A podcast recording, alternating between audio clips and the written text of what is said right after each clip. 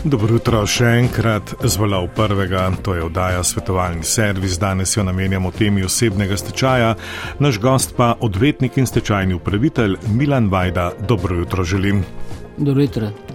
Morda za začetek, zdaj je nekako že desetletje in pol v veljavi tudi v slovenski zakonodaji institut osebnega znača, uh, stečaja in uh, osebni stečaj in uh, s tem povezano pravo ni nekaj statičnega, kaj ne?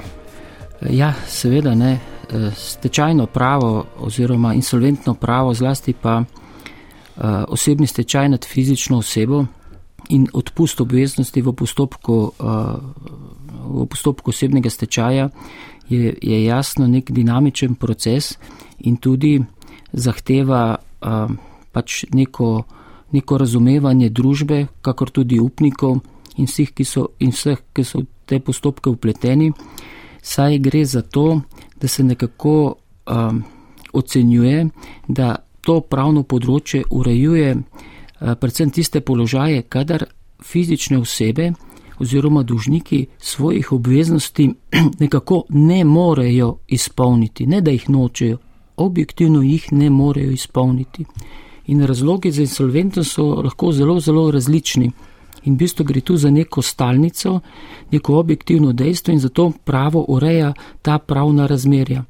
Res pa je to, da je Slovenija, pravni sistem Republike Slovenije, to zakonodajo dobil nekako pred finančno krizo in je bil leta 2008 in je bil na te postopke tudi uh, pripravljen. Tako da dejansko je ta zakon oziroma zakonodaja, ki je bila pripravljena, je v bistvu dobra zakonodaja, res pa je, da je ta uh, zakonsko besedilo in vsi ti postopki so pa tudi zahtevno uh, za, za uporabo, ni tako enostavno. Zdaj bom namenoma zastavil eh, naslednje vprašanje, eh, gospod Vajda. Če nekdo uspešno prestane odpust dolgov, ali obstajajo kakšne časovne omejitve za začetek novega, naslednjega osebnega stečaja? Ja, tukaj je dejansko zakonodajalec, ko je sprejel ta zakon, ni izredno določil, ali je ta pravica do odpusta obveznosti, če do nje pride, ali gre to za enkratno pravico, da ima človek enkrat v življenju to možnost, ali da ima večkrat v življenju to možnost, da izkoristi. In nekako iz interpretacije pravnih norm tega zakona izhaja, da bi lahko eh, ponovno zaprosil za odpust obveznosti po roku desetih let od zadnjega pravnomočnega odpusta obveznosti. V bistvu tu gre za nek tak rok desetih let in se bo sedaj v nadaljevanju tudi v praksi izkazalo, ali so bili predhodni postopki odpusta obveznosti uspešni, torej ali je bil dosežen namen zakonodajalca, da so te osebe uh, rehabilitirane, da so na nek način prišle na zeleno vejo in da so solventne, ali pa se je zopet pri njih pojavil problem insolventnosti. To bomo sedaj v nadaljevanju v naslednjih letih opazovali in spremljali in morda bo tudi zakonodaja tle prilagojena. Eh, kdo lahko predlaga osebni stečaj? Osebni stečaj kot insolventni postopek lahko predlaga dožnik sam ali ga lahko predlagajo njegovi upniki. Eh, torej postopek osebnega stečaja, dočim pa odpust obveznosti znotraj postopka osebnega stečaja, pa lahko predlaga le stečajni dožnik sam in sicer do konca zaključka postopka osebnega stečaja. Namreč gre za dve fazi postopek osebnega stečaja je pač insolventni postopek in znotraj tega postopka, samo znotraj tega postopka, lahko dolžnik predlaga tudi odpust obveznosti. Zdaj, tukaj biš samo še tole povedal, ker se, ker se doskrat pojavlja v praksi, da namreč odpust obveznosti se ne nanaša na vse terjatve, ki jih ima določena oseba na dan začetka stečajnega postopka, ne na vse terjatve. In tu je veliko uh, ovir, potem ko se stečajni postopek konča in te osebe imajo zopet obnovljene davčne izvržbe zaradi neplačenih glob in tako naprej. Tako naprej, tako naprej.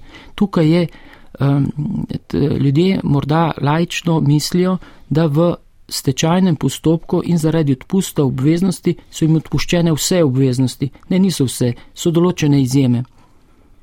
In seveda te izjeme potem vplivajo tako na stečajni postopek, kot tudi na življenje po koncu stečajnega postopka.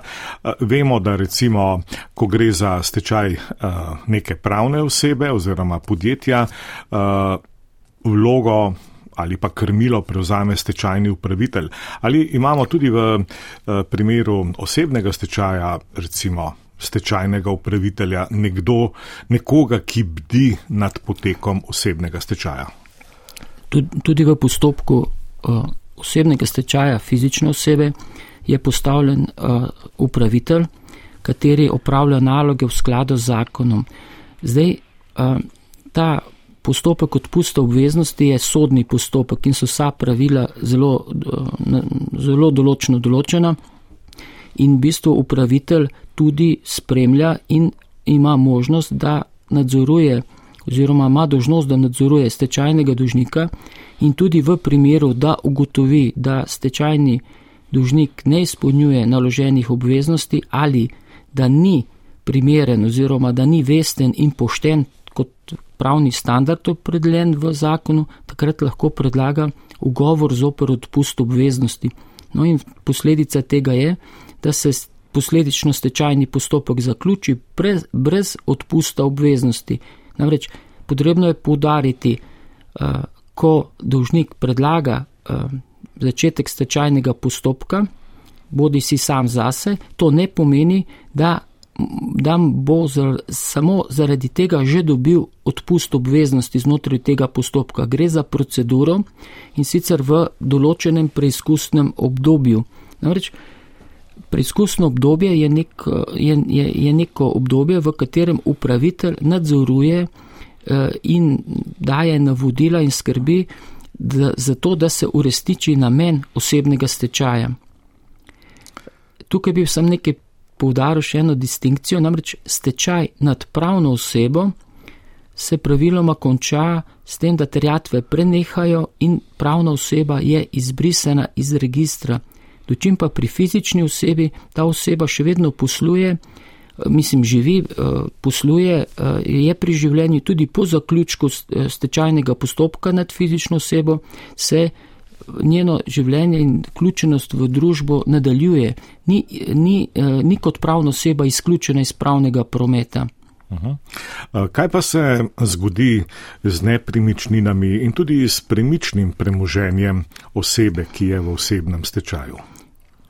premoženje, ki ga ima stečajni dužnik do začetka stečajnega postopka in tudi del premoženja, ki ga dobi znotraj trajanja preizkusne dobe, je namenjeno vnovčitvi tega premoženja, torej prodaji pod najboljšimi pogoji in tudi se iz tega premoženja oblikuje stečajna masa, ki potem predstavlja podlago za razdelitev upnikom. Namreč tudi uh, Eh, stečajni postopek fizične osebe se vodi predvsem zaradi interesa upnikov, torej, da upniki dobijo sočasno in sorazmerno poplačilo, eh, pač koliko znaša stečajna masa. Lahko se pa tudi zgodi, da premoženje ni vnovčeno ali ga ni in potem se stečajni postopek zaključi brez razdelitve upnikom. Tudi te primeri so možni.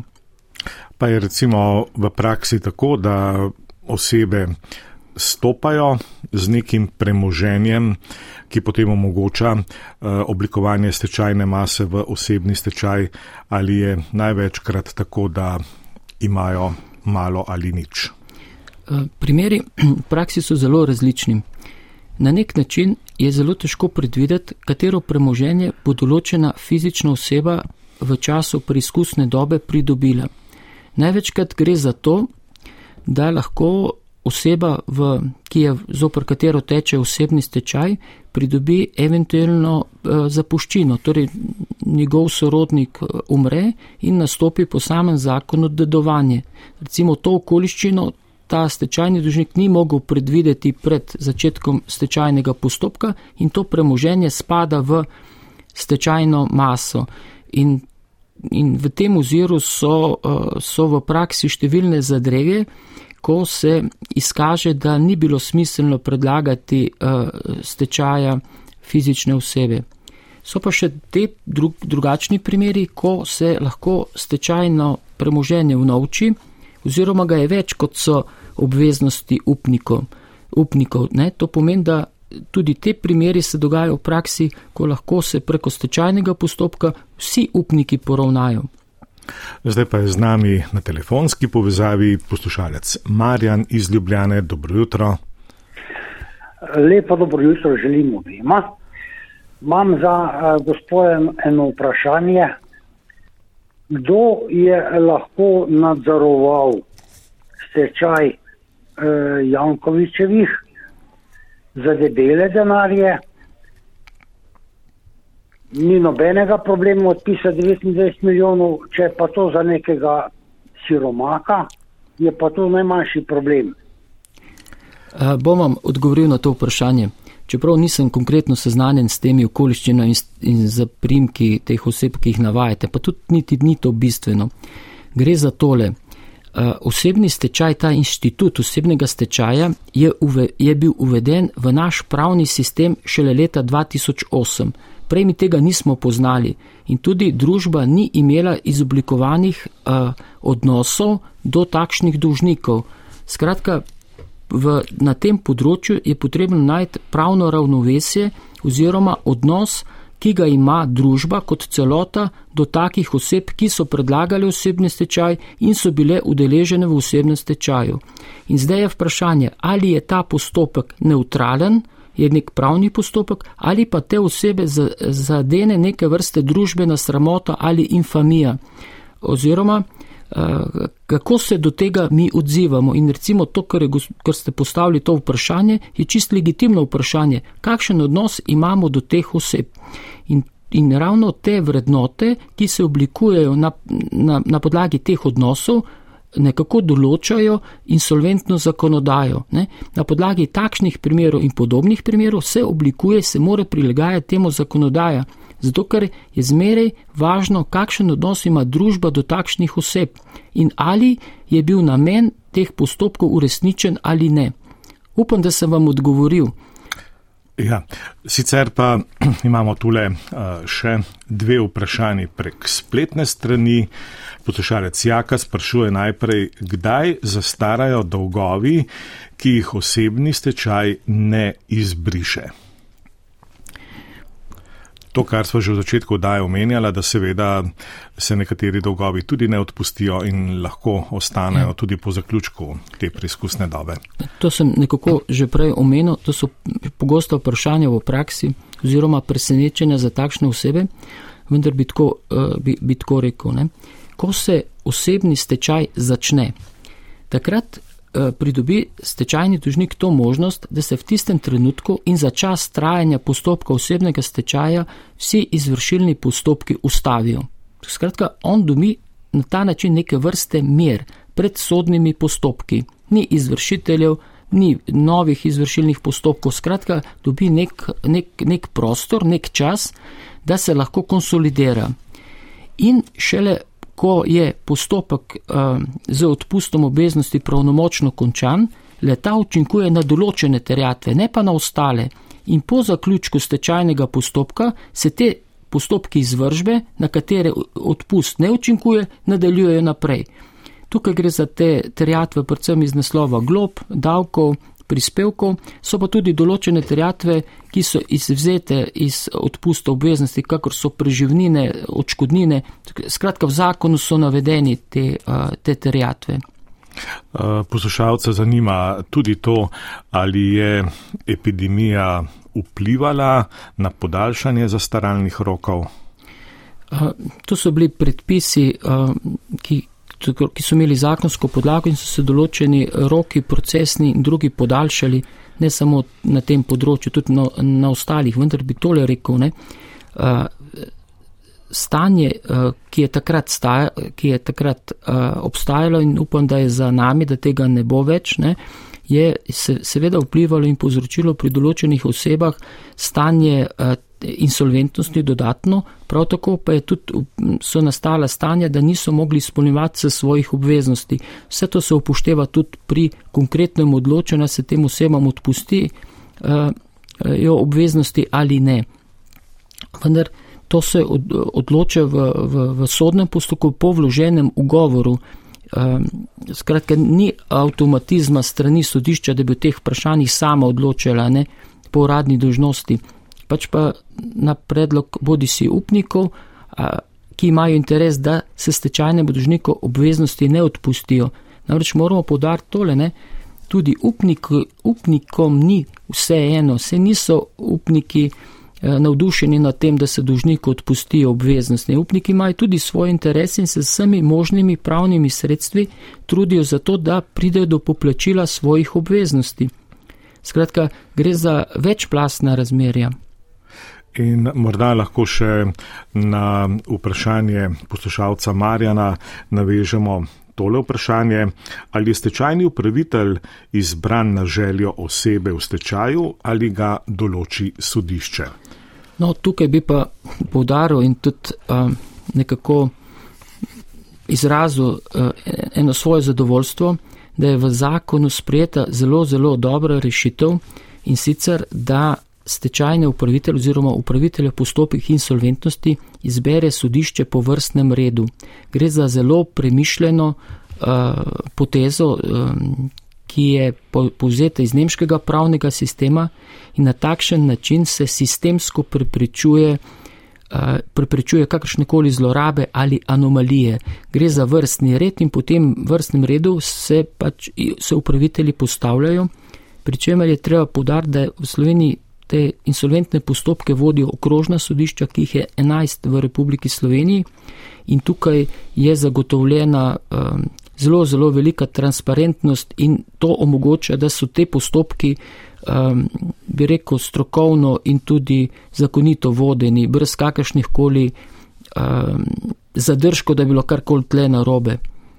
To je, to je zelo dobra rešitev. Ne? In tudi hrvaško pravo, ne, insolventno je to rešitev povzelo. Ja, zdaj pa je z nami poslušalka Marija iz okolice Maribora. Dobro jutro. Dobro jutro. Jaz bi pa samo rada vprašala, kako je bilo možno, jaz sem vlagala denar v prefekujo tu v centru Maribora, ne? no in potem eh, mi je ostal dolžan 2500 evrov upokojenki. Ja. E, to, to me je zelo bolelo, pa še danes tega ne morem razumeti. Da, nisem mogla tega denarja dobiti izplačanega. Hvala, srečno. Hvala za vaše vprašanje. Poglejte, to upniško-dužniško razmerje, ne? to so, to so, um, to so številne variacije. Ne? Čeprav je skupno vsem tem razmerjem, da po eni strani si upnik prizadeva na vse možne načine, da pride do poplačila, po drugi strani pa dužnik tudi si nekako bi moral prizadevati, da izpolni svoje obveznosti. Ne? Ni uh, namen Eh, insolventnih postopkov, da dužniki ne plačuje svoje obveznosti. Ne. Se, splošno načelo je, da pravni posli veljajo ne, uh, in da je eh, obveznosti potrebno izpolnjevati. To je na prvem mestu. Ne. Um, ni, ni namen insolventnih postopkov, da dužniki ne plačajo. Zato sem že v začetku menil, da insolventno pravo opredeljuje tiste postopke, ko dužniki ne morejo plačati, kljub vsem svojim prizadevanjem in strajnosti in, in, uh, in skrbi in skrbnosti in tako naprej. Ne? Drugi so pa pravni položaji, ko dužniki nočejo plačati, takrat so pa druga pravna sredstva na voljo. To je razlika med ne moremo in nočemo. To je treba upoštevati. Zdaj pa je z nami poslušalka Barbara iz Celja. Dobro jutro. A, dobro jutro. Jaz imam vprašanje. V stečajni masi se nam bere seveda vedno uh, predvsem manj uh, uh, natečenih sredstev iz uh, prodaje premoženja in uh, kot je um, nastalih terjatev in potem imamo poplačilo teh terjatev.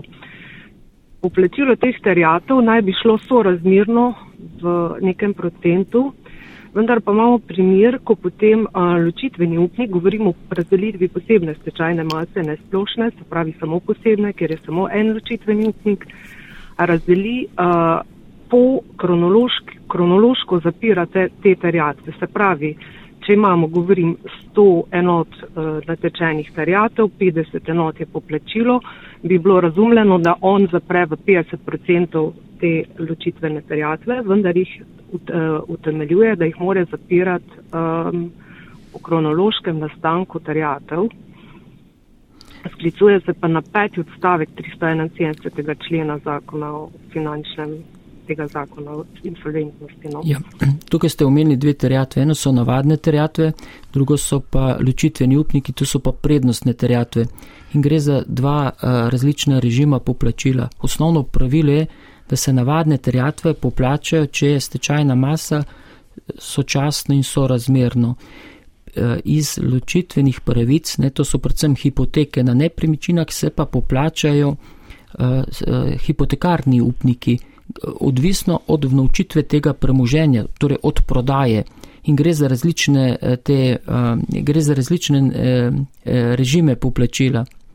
Tako da, tako da vsak primer je posamezen, so pa tudi bili v, prim, v praksi primeri, ko je bila vnovčena stečajna masa, ki je pokrila vse terjatve. Ne? Tudi takšni so stečaji možni, da so vse terjatve poplačene. Ne samo to, da je nek ne, eh, neznaten del terjatev poplačen ali pa da jih ni. V praksi so različni primeri ne? in tudi to ni izključeno, da so vse terjatve poplačene.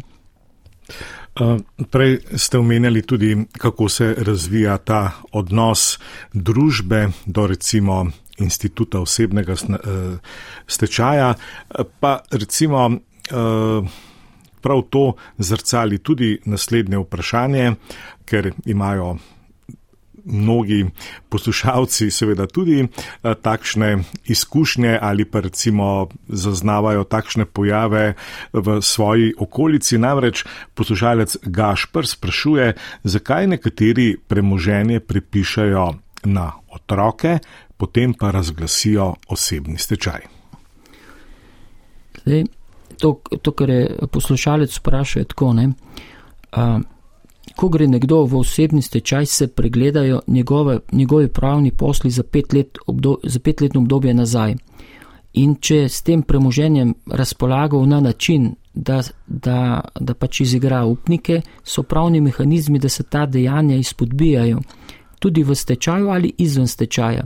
Vendar, če je nekdo pripravil, torej, eh, da se je rešil svojega premoženja, ga je prepisal na sorodnika kakorkoli drugače in da je s tem namenom a, eh, potem speljal insolventni postopek, to pomeni v bistvu zlorabo tega postopka. Ta, ta oseba potem ne spada v kategorijo, da ne more ne, izpolniti svojih obveznosti, ampak da jih noče. In takšna dejanja so lahko tudi protipravna so kazensko pravna varstva, eh, veliko možnosti ne, ne samo insolvent. Insolventno pravo je namenjeno ravno samo tem, ki to ne zlorabijo, ki tega ne izkoriščajo, ne. to je ta prava volja zakona. Vse anomalije je pa treba sankcionirati in tudi taka oseba lahko ne dobi uh, odpusta obveznosti uh, v stečajnem postopku. Skratka, um, tudi taki primeri se dogajajo v praksi, vendar tudi sodišča takšne prakse lahko sankcionirajo. Kakšen pa, oziroma kako pa stečajni postopek sicer vpliva na družinske člane, otroke, partnerja, so njihovi prihodki tudi del stečajne mase? No, v bistvu insolventnost enega družinskega člana seveda vpliva tudi na ostale ne? in zato je insolventno pravo tako zasnovano, da se nekako omogoči nek prehod v stanje solventnosti, da, da pridejo na zeleno vejo, da se jo pomorejo, tako naprej. Tako naprej Jasno, uh, uh, ko je nekdo v stanju insolventnosti, se, se opira na vse bilke in išče rešitve. Včasih gre tudi do meja zakonitosti ali še malo čez. Ne? Zato, ker stanje insolventnosti pač je neka stiska, ki jo doživlja prvo stečajni dužnik, potem pa tudi vsi njegovi bližnji, od sorodnikov do uh, sosedov, to je moteče. Ne? In zato se tudi reče, da je dužnik bolnik. Ne? In uh, doskrat v takšnem stanju si pa lahko nima tudi ljudi, ki bi mu hoteli pomagati. Ne? Se tudi najbližnji mu tudi ne morejo morda pomagati. Ne? In zato so ta stanja zelo težka in, in komplicirana in ravno ta insolventna zakonodaja pomaga urejati te, ta, takšna razmerja, da se nekako ustvari nek družbeni mir. Ne? Se ni eh, insolventno pravo namenjeno tem, da se dajo odpustki, pač pa da se na nek način bolj širši družbi tudi na ta način zagotavlja nek, nek mir, ne? da so bolj znosni odnosi. Vendar, kaj to potem pomeni v praksi, bo recimo tudi partnerjev, partnerjev osebni dohodek ali pa recimo dohodek otrok osebe, ki je v osebnem stečaju, bodo vključeni v to maso, bodo kakršno, kak, kakorkoli podvrženi recimo tej presoji ali je to, ali so njihovi prihodki, njihovo premoženje, da rečem takole eh, plastično, na varnem. No, osebni dohodki od, od partnerja ali pa od otrok so ločeni iz tega, seveda ne, ampak premoženje, torej skupno premoženje morda zakoncev ne, ali pa izvenzakonskih partnerjev, ne, pa, pa lahko spada v, v, v stečajno maso in sicer se potem znotraj insolventnega postopka ugotavlja delež stečajnega dužnika na tem skupnem premoženju. Eh, to, tukaj doskrat pride do zapletov, ko en zakonec vloži eh, stečajni postopek, potem pa nastanejo hude posledice, ker, ker avtomatično spada tudi premoženje, ki v zemljiški knjigi ni napisano na na njega, ne, ampak po samem zakonu pa je uh, lasnik tega premoženja. Sej, sej, um, v bistvu, in tukaj doskrat pride lahko do zapletov, ne, ker morda tudi stečajni dužniki pravilno ne predstavijo tem svetovalcem, ki pomagajo v teh postopkih, kakšno je njihovo stanje. Tu so številni zapleti. Ali je pomembno, ali je oseba v stečajnem postopku zaposlena ali brezposelna? Ja, to je pomembno. E, torej, če je oseba v osebnem stečaju, se od, njo, se od nje prizadeva, da si poišče delo, če dela, da ohranja delo, da je, da je v bistvu poštena, da se trudi in potem tudi del plače gre v stečajno maso, del ostane. Takšni osebi, če je brezposelna, si mora, si mora iskati službo, si mora aktivno prizadevati poiskati službo in tudi mora upravitelju mesečno poročati o teh svojih aktivnostih. Enako velja tudi za, za upokojence, ne tudi upoko, del pokojnine spada v stečajno maso. Skratka, uh, skratka, šteje se, da v tej preizkusni dobi ta oseba um, je na nek način, uh, da ne zlorablja tega instituta, ampak da se trudi po svojih najboljših možnostih, da se de, določen, določena vsota denarja nabere in da se potem razdeli upnikom in tudi, da se sam pač sanira svoje stanje. Verjetno pa pomeni osebni stečaj tudi omejitev poslovne sposobnosti dolžnika. Ja, eh, seveda, to je ena od pravnih posledic, to, da se poslovna sposobnost dolžnika omeji.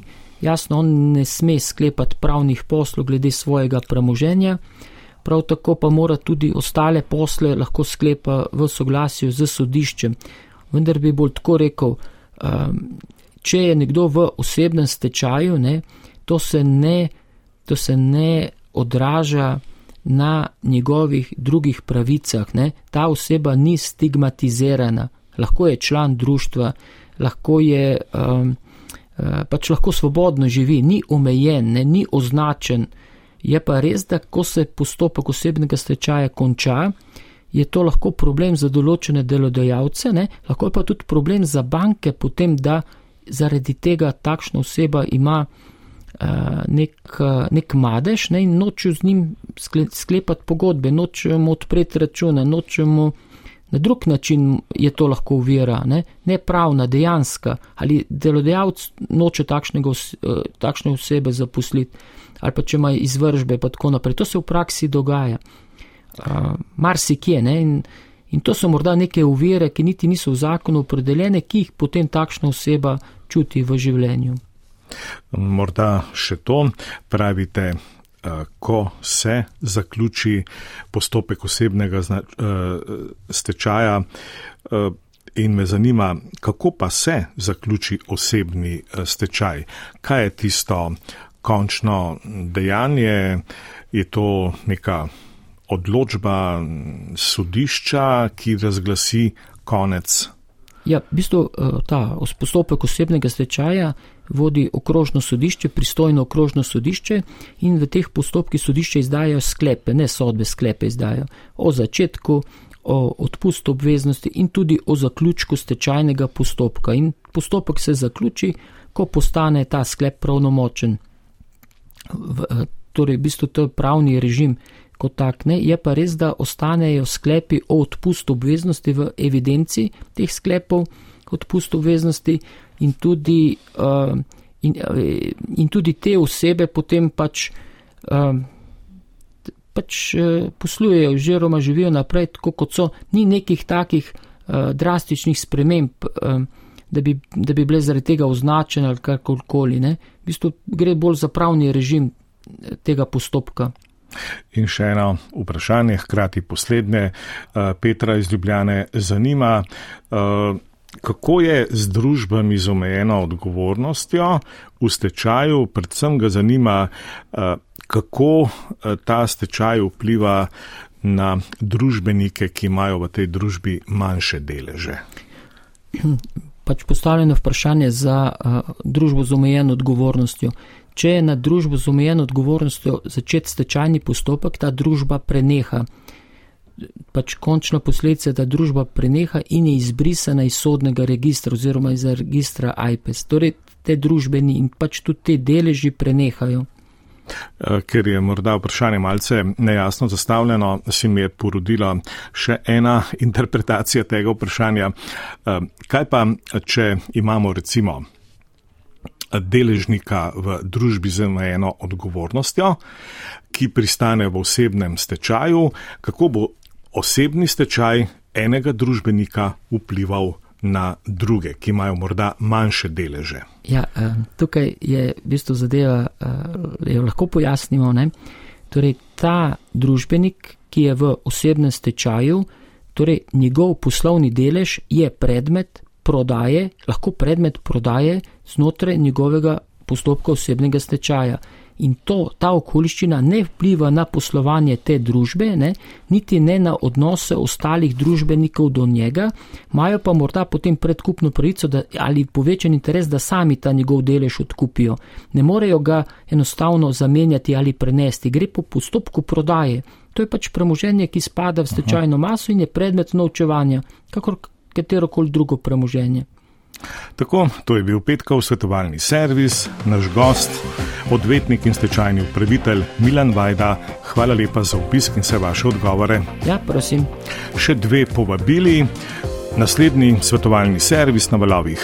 Prvega se bo zgodil v torek, takrat tema lesne talne obloge, še prej pa v ponedeljek nova epizoda prvakov tedna, že 6. marca bo z nami direktorica inštituta 8. marec Nika Kovač.